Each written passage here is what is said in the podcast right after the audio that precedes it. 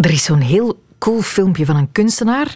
Uh, het is een tijd lang viraal gegaan op het internet. Het is een filmpje van de Brit Sam Cox, ook wel gekend als Mr. Doodle. En die toont in een filmpje van zo'n dikke twee minuten hoe hij zijn hele huis, elke kamer, elk meubel, de hele buitenkant van zijn huis, van kop tot teen, voldroedelt van die dikke zwarte lijnen op witte muren doet zo'n beetje denken aan de tekeningen van Keith Haring. Hij heeft daar twee jaar aan gewerkt, noemt het zelf een kinderdroom die uitkomt. En hele coole beelden, je moet maar eens bekijken. Ik zou er nu echt van mijn leven niet in willen wonen, maar het ziet er tof uit. Veel toffer dan de droedels die ik ooit op mijn cursussen kribbelde tijdens die oneindige uren op school. Want droedelen, ja, dat doen we allemaal wel eens tijdens lessen bijvoorbeeld, of vergaderingen, of heel lange telefoongesprekken. En dat soort droedels, daar wil ik het over hebben. Welkom in de wereld van Sophie. Voor we naar onze prutsdoodles gaan, moet ik toch nog heel eventjes terugkeren naar de doedelkunst. Want wij hebben hier in ons land ook zo'n Mr. Doodle. Joke Nering. Of, ze heeft ook een artiestennaam, Jok Doodle. Zij is intussen al vijf jaar lang haar huis in Oostende van binnen en van buiten aan het bedroedelen. En haar meubelen en haar kledij. Wart Bogaert zocht daar op. Maar Joke, je bent er zelfs op gekleed, zie ik. Ja, ja, ja. dus op mijn schoenen, mijn handtas, dus mijn uh, kledij. Uh, ja, tot uh, op mijn trappen, de muren, het huis. Bijna volledig volgedroedeld, ja. ja. Alle muren hier in de ruimte waar we hier nu staan, die zijn inderdaad... Volgetekend. Vol, hè? Met de surrealistische figuurtjes, dus uh, ja, recht uit het hart. Dus ja, dat is hier het gelijksvloers en ja, volledig volgetekend. Uh, deze muren heb ik getekend in 2017. Ik was eigenlijk geïnspireerd door Mr. Doodle. Hello there, I'm Mr. Doodle and today I'm going to be doing a big doodle on this wall. Ik zag and... zijn filmpje passeren op Facebook. Dat was een filmpje met 50 miljoen views. En toen dat ik dat zag, had ik direct zoiets van, wauw, ik wil ook met stiften op muren tekenen. And uh, you can do this in your house too. You just gotta get some paper and put it onto the wall. En dan had ik het, uh, allee, het grandioze idee om dus ook uh, ons huis hier vol te tekenen. En uh, drie dagen later heb ik stiften gekocht en eraan begonnen. Hè. Dus kelderverdiep, de muziekstudio. Dat is waar we nu staan, hè? Ja, ja. dat is het kelderverdiep waar we nu staan. Dus, en dan, en dan ben ik echt begonnen. Je zei het zelf al, uit het hart. Zo gaat dat hè? met uh, droedelen. Jij had niet vooraf schetsen gemaakt over wat je zou gaan tekenen. Ja, dus gewoon tekenen zonder na te denken. Ook heel snel mijn hand laten leiden en, en de rest volgt wel. Ja. We gaan eens naar boven. Hè? Ik wil de rest van het huis ook wel zien. Zelfs op de trap. Ken je hem eigenlijk persoonlijk, Mr. Doodle? Ja, we hebben uh, soms wel een keer contact via Messenger, dus dat we dan een keer typen naar elkaar. Maar nu is hij weer groot nieuws. Hè? Zijn huis staat vol, maar jij was al eerder dus eigenlijk. Ja, ik was een beetje eerder. Ik in 2017, 2018, ik heb toch een vijftal ruimtes onder handen genomen. Natuurlijk, uh, hij heeft het heel groot gezien en heeft het ook gedaan. Hij is misschien geïnspireerd door mij, dat kan. Laat gewoon die misschien weg, Jook. Ja. Kom. Ja, oké. Okay. Nu, ik heb hem ook al een keer achter gedaan, dus. Maar stel nu, Joke, dat wij aan een tafel zaten en er lag toevallig pen en papier voor ons, dan was je waarschijnlijk al aan het tekenen. Ja, waarschijnlijk wel. Ja. Als ik een papiertje heb, eigenlijk teken ik om rustig te worden, om mijn hoofd eigenlijk rust te geven. Zo. Allee, ik denk dat ik een beetje ADD heb of zo, dat, dat alles zo nogal chaotisch is in mijn hoofd. En als ik dan een stift vast heb of een pennetje, dan, dan kom ik echt tot rust. Ja. De luisteraars hebben het nu niet gezien, maar we staan ondertussen in jouw badkamer. Ja, ja, ja. Die, het zal niet verbazen, tot de boiler toe en de kasten toe en het bad zelf toe ja. helemaal volgedroedeld staat. Ja, al vijf jaar intussen. Ja. En wij moeten daarop kijken, ja. ja wat vinden je huisgenoten daarvan? Uh... Ja, onze zoon vindt dat nogal uh, niet speciaal. Och mama, ben je daar weer met je droedels. Maar uh, ja, nu, en nog eens steen zie niet goed, dus hij heeft er niet zoveel last van. De slaapkamer van onze zoon is ook volgedoedeld en mijn atelierruimte boven en de keukenkasten. Nu, intussen is, heb ik er weer afgedaan. En de livingmuur. Dus de woonkamer is ook volgedoedeld. Ah, hier zijn we in de keuken. De tassen zijn ook volgetekend. De frigo doe ik deze week nog. Er zit eenheid in, hè? Ja. Het is zo psychedelisch surrealisme, zou je het kunnen zeggen. Uh, psychedelische vormen, rariteiten. Het is eigenlijk voor, even goed voor volwassenen als voor kinderen. De volwassenen zien er soms ja, speciale dingen en erotische dingen. En de kinderen zien dat niet. Dus het is eigenlijk... Allee, ik, ik, moet soms aan Keith Haring denken. Dat zullen ze ook al wel eens gezegd hebben, waarschijnlijk. Ja, ja en van Mr. Doodle ook natuurlijk. Nu, we zitten dan allee, af en toe dan tegen elkaar dan een te chatten. Zo van, ja, ze zijn weer aan het zeggen dat we op Keith Haring gelijk Oei, sorry. Ja, maar ik denk als je... Keith Haring had zijn thema's ook over, over AIDS en, en, de homogemeenschap en allerlei. En Mr. Doodle en ik daarentegen, we staan los van die grote thema's. Het is puur vanuit een emotie, vanuit een... Allee, ik denk dat we dat echt beiden doen om, om van, van die chaos af te geraken door net die chaos te tekenen. Voel je je verwant met hem? Ja, ik denk dat wij misschien uh, psychologisch misschien wel uh, dezelfde uh, resultaten zouden hebben. Moesten we zo allee, een onderzoek doen. OCD wordt er gezegd, dus compulsief tekenen. Obsessive compulsive drawing, ja. Of OCD wordt dat, ja. Dus hij, benoemt dat zelf zo. En, en ik vind dat ook zo... ja, vanuit een obsessieve manier altijd maar blijven tekenen op een hele snelle manier. Ja. En dit moet je atelier zijn. Wauw. Ja. Ja, hier sta je al ver, hè? Ja, hier ook uh, volgetekend. Maar dit heb ik gedaan in 2020, in coronaperiode. Ja. Maar dus ja, nog, doe zeker nog verder dan ons huis hier. Uh, ja, vijf verdiepingen, er is werk aan de winkel. Uh, maar een ander huis zou ik toch ook wel een keer willen onder handen nemen. Zo, waar de mensen echt op bezoek kunnen komen en, en doorlopen. En, ja. Maar dan echt ook alles. Hè. Ieder kastje, de vloer, Ieder potje die er staat, alles doordoen, allez, alles doortekenen, wit, zwart, de doodles. Ja. Ik ga je laten, Joke, want het is te lang dat je al niet meer aan het tekenen bent terwijl we hier aan het praten zijn. Ja, dat is waar. Ik ga er een keer in vliegen straks. Jook Doodle. Ik zeg dat heel graag eigenlijk. Jook Doodle heeft van Droedelen haar leven gemaakt, net als Mr. Doodle. En ze nam eigenlijk ook, als je goed luistert, al veel eerder dan hij haar huis onder handen. In hun geval is het kunst. Het heeft een doel.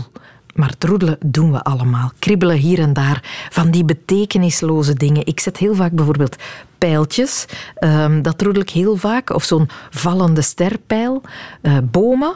En van die 3D-kubusfiguurtjes. Een heel curieus gegeven dat ook iedereen zijn eigen vaste droedeltjes heeft een onderzoek moest ingesteld worden naar individueel droedelgedrag. En Vincent Bilot, tijdens dat onderzoek ontdekte jij ook dat de geschiedenis van droedelen eigenlijk heel erg ver teruggaat. Absoluut. Van kunstenaars over schrijvers, van wie je dat misschien zou verwachten, maar ook over presidenten tot zelfs koninginnen.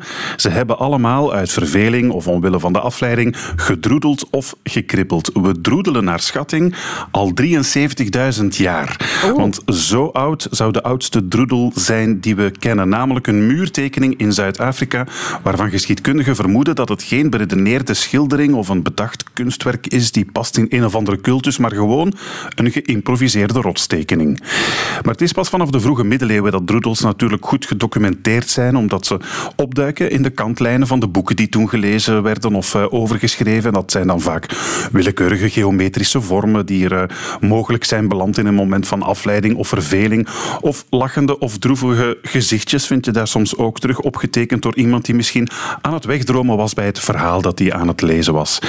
Van Queen Victoria, en dan zitten we al in de 19e eeuw, zijn heel veel droedels bewaard gebleven. Zij zat uh, ja, tijdens vergaderingen of zelfs staatsdiners vooral ezels te tekenen. Ah, ja? ja? vaak met een ruiter erop die de teugels vasthield. En dat is wel moeilijk hoor, om te tekenen. Wel, ik moet zeggen, technisch en anatomisch zeker niet onverdienstelijk eigenlijk, die sketches van Queen Victoria. Zou je het niet van haar vermoeden. Winston Churchill die kribbelde tijdens briefings uh, tijdens de Tweede Wereldoorlog dan weer vaak vliegtuigen in zijn schriftjes. Spitfires in het bijzonder. Is later natuurlijk ook nog beginnen schilderen. Hè? Die had het wel wat in de vingers. Ja, ja, Amerikaanse presidenten, ook driftige droedelaars Droedelaars. Zou een hele mooie Suske en Wiske titel zijn trouwens. Hun droedels zijn eh, goed gedocumenteerd omdat ze vaak op officiële documenten staan die natuurlijk allemaal gearchiveerd zijn. Thomas Jefferson bijvoorbeeld, de derde Amerikaanse president en auteur van de fameuze onafhankelijkheidsverklaring, die tekende na een bezoek aan Europa op zo'n officieel staatsdocument een macaroni-machine. Ja, hij was kennelijk zo onder de indruk van de Italiaanse eetcultuur dat hij dus uh, ja, te pas en de onpas sketches maakte van een machine die hij zich herinnerde om pasta te verwerken tot macaroni. Was daar blijkbaar helemaal door begeesterd. Andrew Jackson, de zevende president van de Verenigde Staten, tekende schildpadden en krokodillen. Er bestaat ook een document met de agendapunten voor een Congressional Leaders Meeting uit 1958, een verslag dus van een parlementair overleg, waarop Dwight Eisenhower doodleuk een mannetje tekende. Het is allemaal gearchiveerd. John F. Kennedy die gaf in, eh, in, in zijn droedels dan op zijn minst toch blijk dat hij de vergadering wel een beetje aan het volgen was. Want hij noteerde altijd kernwoorden, zoals bijvoorbeeld Vietnam, waar hij dan omheen droedelde. zijn ah. laatste bewaard gebleven droedels, voor hij in 1963 werd doodgeschoten, waren kribbels rond het woord poverty, armoede. Zo weten we dus toch een beetje waar hij mee bezig was. Ja, ja. Vlak ervoor. Richard Nixon die tekende vooral driehoeken en andere symmetrische figuren. Ronald Reagan, paarden. Alweer? En zijn vrouw Nancy. Of daar een verband is, dat laat ik in het midden. Maar er zijn toch droedels, Sophie, van bekende figuren ja, die aangeven waar ze toen in hun hoofd mee bezig waren. Zo bestaat er een brief van de Amerikaanse schilder Edward Hopper, waarop je in de kantlijn een haastige schets van een vuurtoren kunt ontwaren. Dat blijkt, achteraf dan, toen al een onbewuste studie te zijn van zijn lighthouse paintings. Dat een bekende schilderijen van de vuurtoren in Cape Elizabeth. Hetzelfde geldt voor het eh, alombekende dikke roodgekleurde kruis, dat het logo werd van het Rode Kruis, is ontstaan als een droedel van Carla Barton, die later het Rode Kruis zou oprichten. Ja. Idem met Pipi Langkous zou ook ontstaan zijn als een figuurtje dat Astrid Lindgren altijd kribbelde als ze zat te droedelen. Allee zeg, het kan een voorafspiegeling zijn op later uh, fantastisch werk. Absoluut. Droedels kunnen een voorafschaduwing zijn van iets waar creatievelingen op broeden. En als droedels de spiegel zijn van de ziel, Sophie, dan zijn de kribbels van Marlon Brando misschien ook wel het vermelden waard, want die tekende aan de telefoon of tijdens scenariobesprekingen bijna onveranderlijk borsten en vagijnen. Maar zit daar eens naast. ja, die van de Amerikaanse schrijver Tennessee Williams die waren dan weer onmiskenbaar homoerotisch uh, getint. En de Italiaanse filmmaker uh, Federico Fellini die tekende altijd een zelfportret, naakt en met een disproportioneel grote erectie. Niet dat ik de omvang van uh, Fellini's fallus wil onderschatten. Zeggen, hoe weet nee, jij dat? Nee, maar Sophie, een stijve die ver boven je hoofd reikt. Don't think so, Federico. Nog zo'n uh, bekende fallustekenaar was trouwens uh, Leonardo da Vinci. Federico Fallini eigenlijk. ja. uh, Leonardo da, da, da Fallus, die, die tekende dus ook heel vaak stijve penissen met pootjes die naar een opening toe wandelen. Ah, zo. Ja, en dus volgens sommige drudologen kun je boven sommige van die getekende openingen de ja, geëncrypteerde naam vinden van sommige van zijn leerlingen.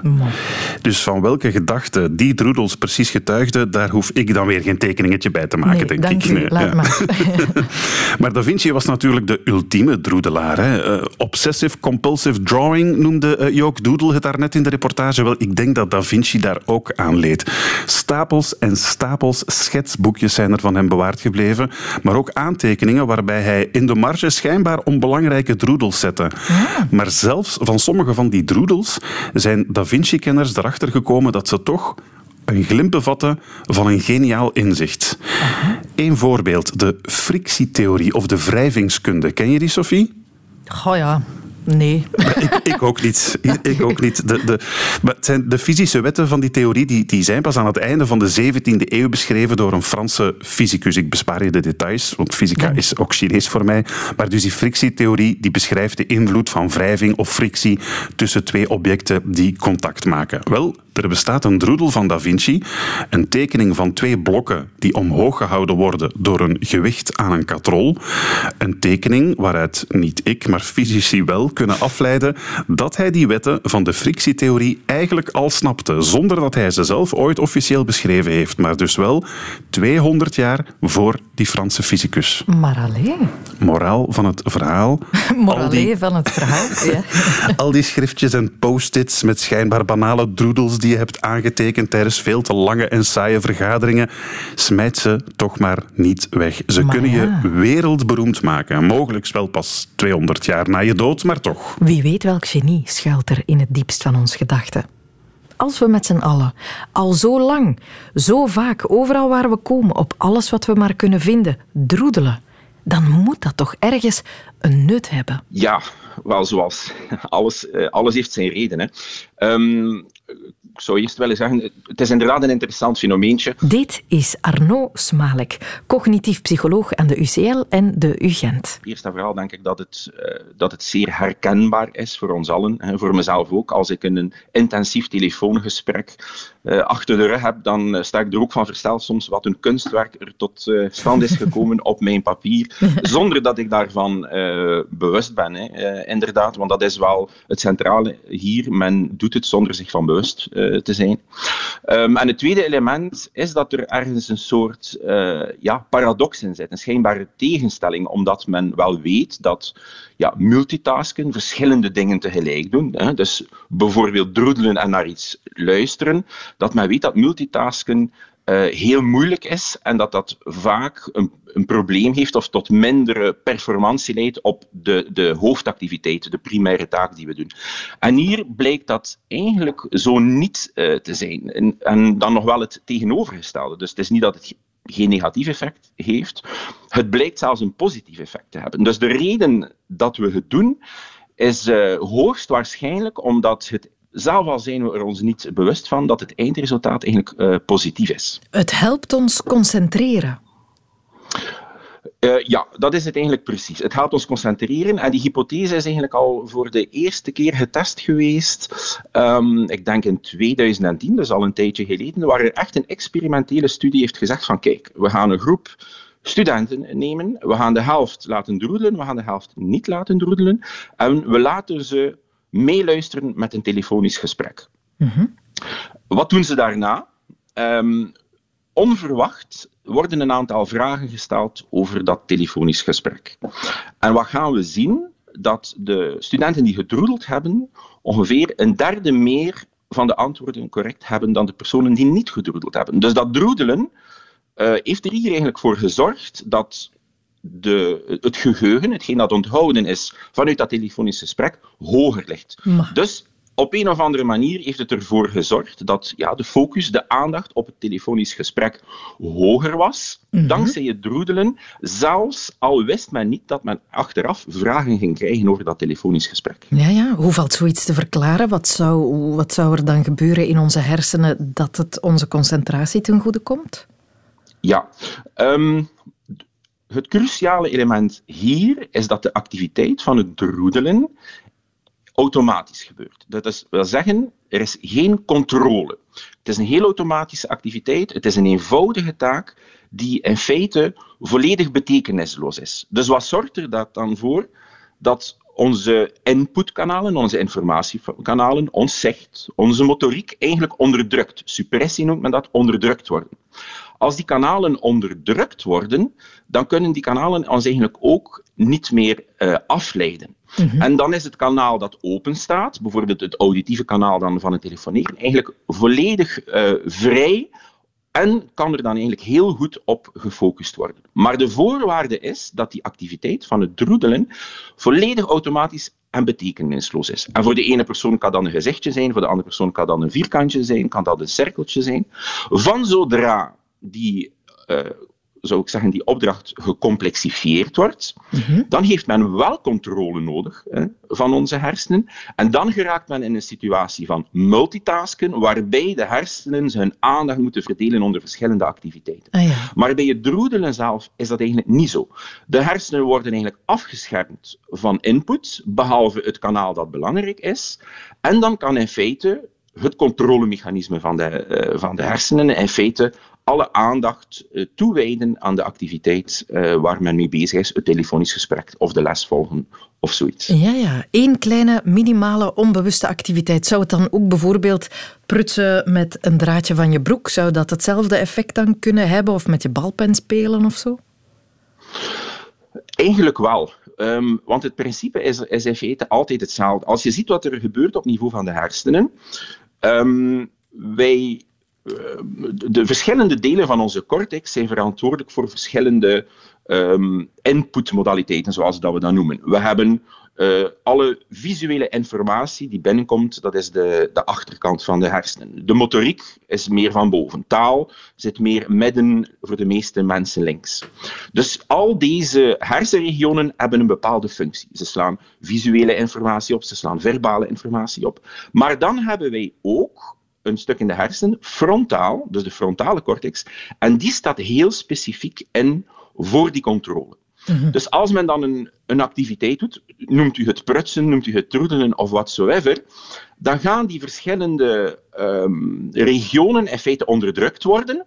Maar aangezien het met zinloze activiteit is, gaan zij het controlesysteem niet belasten. Dus het controlesysteem heeft eigenlijk geen werk voor het coördineren van die verschillende activiteiten, omdat die activiteiten automatisch verlopen, simpel zijn, geen, ja, geen controle vergen.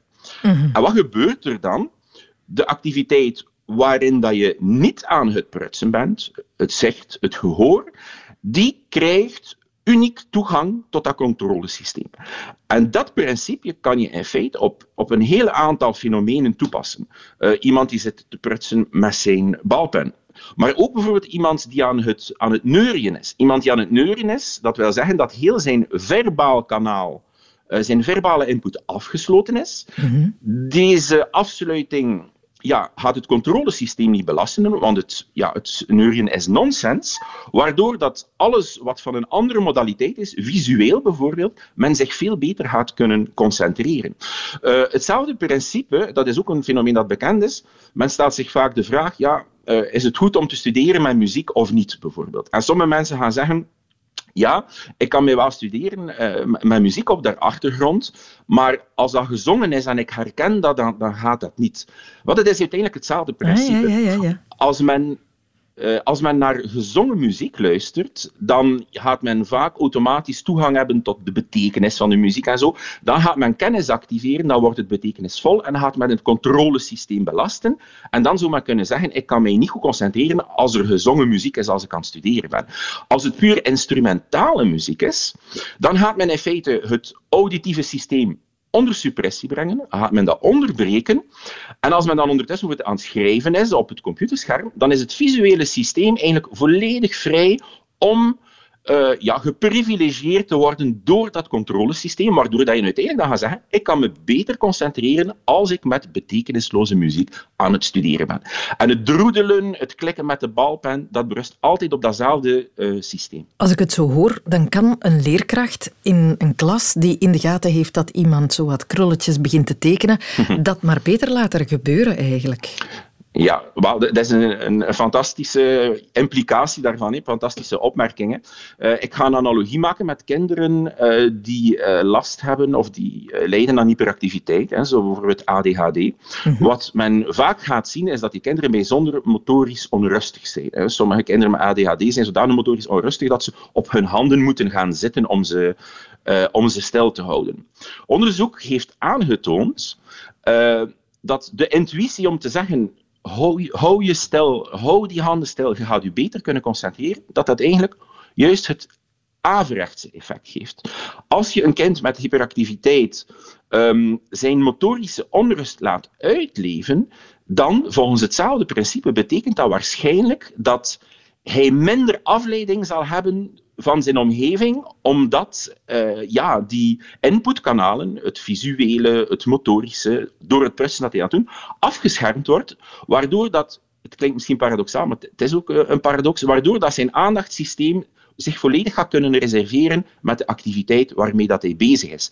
En dan heeft het onderzoek eigenlijk heel mooi aangetoond van, we hebben een groep kinderen met hyperactiviteit en een, de helft daarvan vragen we om zo stil mogelijk te zitten en de andere helft laten we vrij. Dan gaan we zien dat deze die vrijgelaten worden in het prutsen, als ik zo mag zeggen, Mhm. dat die tot betere geheugenprestatie komen dan de kinderen waarmee men gevraagd heeft van hou u eens stil.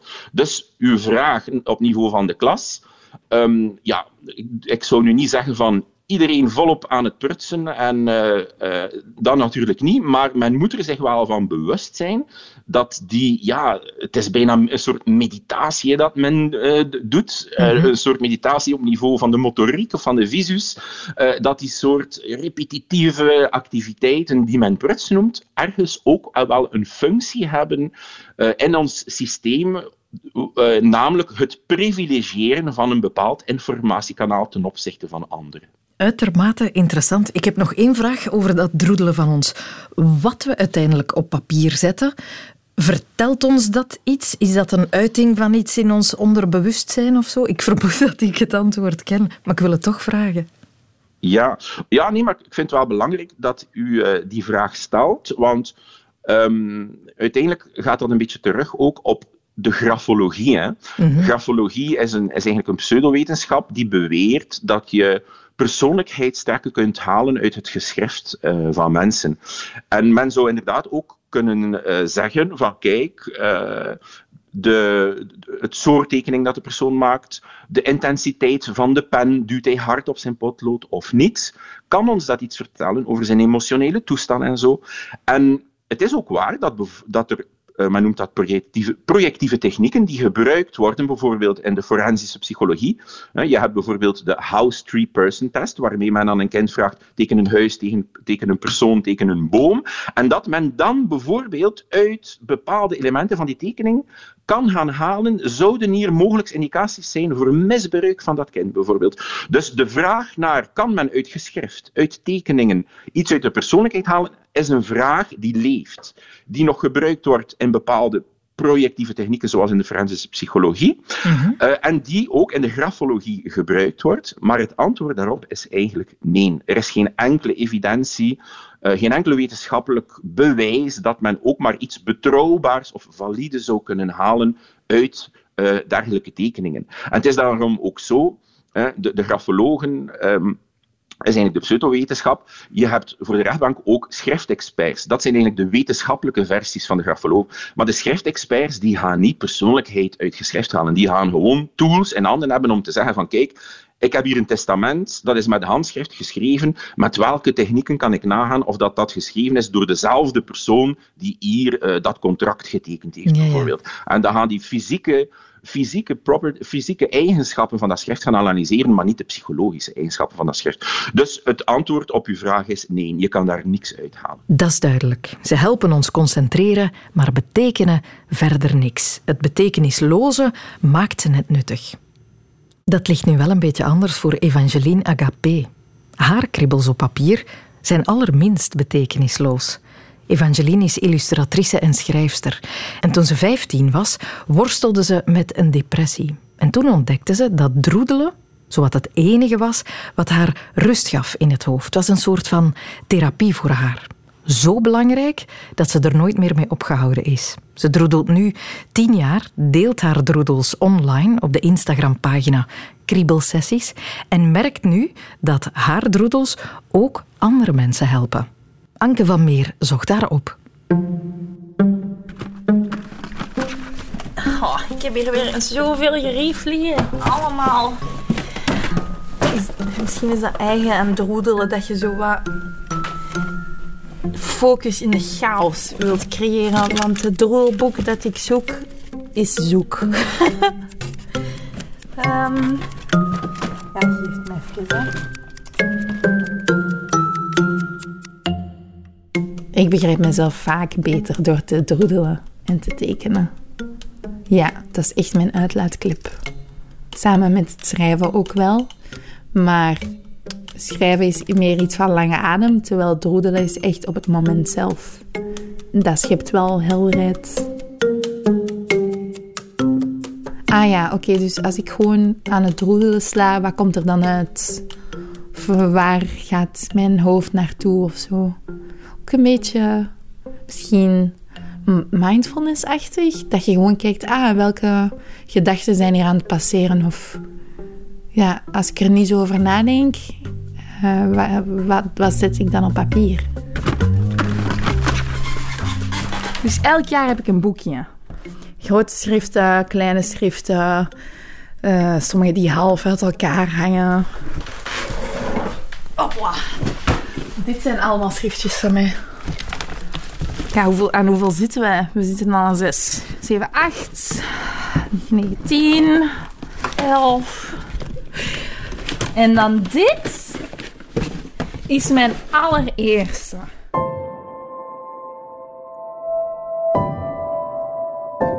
Ik ben beginnen droodelen toen ik 15 was. En ik was eigenlijk depressief. Nu, ik wist niet dat ik dat was op dat moment, maar achteraf gezien besef ik dat wel. Ik hield er nogal niet zo gezonde copingmechanismes op na. En op een dag besloot ik, of zag ik in dat dat moest veranderen. En toen ben ik gewoon naar de Action gegaan en heb ik mij een boekje gekocht, Blanco.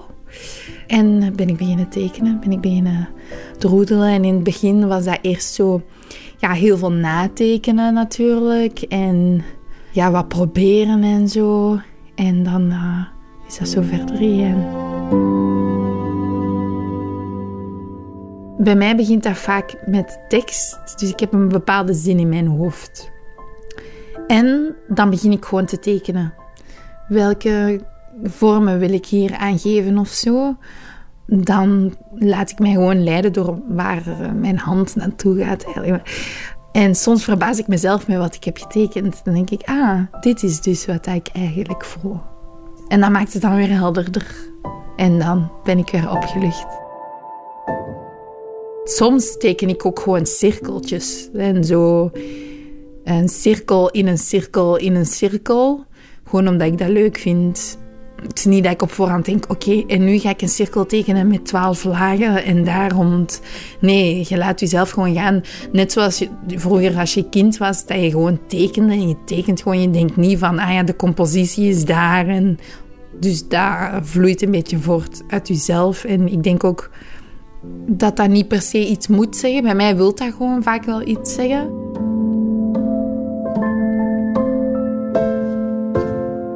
Ik noem het eerder kriebelen dan, dan droedelen. Maar vanaf het moment dat ik begin te kriebelen, is dat alsof er meer ruimte vrijkomt in mijn hoofd. Het gevoel dat ik zo urgent voelde in mijn, in mijn hart en in mijn lichaam, komt dan gewoon naar buiten door zo simpele tekeningetjes te maken. Ik heb dan een gevoel. Ik wil iets met dat gevoel doen. Ik schrijf dan en dan op basis van ook wat ik heb geschreven en wat ik voel, maak ik dan een, heel snel een tekening. Dat is eigenlijk bijna kinderlijk, maar dat is ook eigen aan doodelen, vind ik. Dat hoeft niet perfect te zijn of zo en dat maakt het wel leuk. Dit is echt... Oké, wat ik hier vast heb is een rood boek dat uitpuilt van alle papieren. Ja, dus ik heb hier, maar dit is echt van lang geleden. Hè. Ik ga eens, 2016 is dit. Hier is een heel blad over twijfels, waarbij je ook ziet dat ik heb gewoon heb zitten droedelen. Notenleer, gedroedel op de kantlijn. Ja, echt heel veel. dit is een en al droedelen. Maar ook die tekst, dan lees ik weer van... Waarom had jij zoveel... Dan staat er hier zo'n gedicht midden in die droedels. Waar gaat alle liefde naartoe na het stoppen van een relatie? Wat diepe vragen, hè? Voor een... Waarom dacht ik als 16-jarige al zo? Dus je ziet, ik had wel een uitlaatklep nodig, want ik had veel te veel gevoelens. Ik ben iemand met enorm veel gedachten die hele dag door mijn hoofd eh, racen. En als ik dan zo echt ga zitten om eens gewoon eens te dodelen, dan is het precies alsof ik tijdens dat roedelen zo wat meer de lucht heb of zo. Omdat ik kan droedelen en nadenken tegelijkertijd, maar omdat ik wel bezig ben met iets, komen de gedachten zo wat zachter binnen, zo meer, meer suizend dan zo drammend. En Dat helpt mij wel dan. Ik voel me wel altijd beter als ik met een vervelend gevoel zit en ik heb erover gekriebeld. Ben ik daarna meestal echt opgelucht. Dus ik heb dat wel nodig eigenlijk. Ja, kriebelen en knoedelen en alles er daarbij, dat is echt zelfzorg. Ik doe dat niet omdat iemand dat van mij vraagt. Dan is dat zo vrij. Niemand legt mij iets op of zo. Dat komt echt wel recht van het hart. En dat, ja, daar is geen druk op. Ook je ziet, als ik letters schreef, droedel ik dat altijd in. Heel veel geteken. Hier ook een recept waar ik daar dan... Ja, zo kunnen we echt uh, eindeloos doorgaan. Heel veel collages ook en gewoon allemaal droedels. Waarom huil je? Omdat ik iemand graag zag, maar het niet voelde zoals het moet. Mijn mama, die had echt iets te verduren met mij als kind. Want ik had echt zoveel emoties over alles. Dat ik denk dat Droe heeft me echt gered. Want ik weet niet wat ik daar anders mee zou hebben gedaan met al die emoties. Ik denk dat wel echt dat Droedel mij gered heeft. Ja. En het tekenen ja, is dus ontstaan tijdens een depressie. En de rust dat mij dat heeft gebracht, heeft me wel doen inzien van, ah ja, dit is, dat helpt mij in mijn hoofd. Dus ik denk dat ik dat altijd ga blijven doen. Mijn mentale staat is um, nog steeds wel op en neer. Dat blijft, mijn mentale staat blijft iets waar ik wel heel waakzaam voor moet blijven. Die depressie en die angststoornissen zijn altijd wel dingen die op de loer liggen. Maar hoe het droedelen mij nu helpt, is dus dat ik dat deel op Instagram. En dat ik daardoor wel veel aansluiting heb gevonden bij andere mensen. En dat helpt mij in de situatie waarover ik schrijf los te laten. Maar ook wel de herkenning van andere mensen in mijn kleine tekeningetjes. Dat ze toch wel snappen wat ik bedoel. Het is therapeutisch voor anderen en voor mezelf. Het is therapeutisch voor mij om te maken en voor anderen hoop ik om te zien, maar dan weer voor mij ook therapeutisch om te zien wat de reacties daarop zijn. Dan voel ik mij ook minder alleen in die situatie. En dat door gewoon een paar, allez, gewoon een paar kriebels op papier te zetten. De droedel als mindfulnessoefening, de droedel als uitlaatklep, als therapie. Belachelijk nuttig om zo'n kleine krullenwieter te zijn.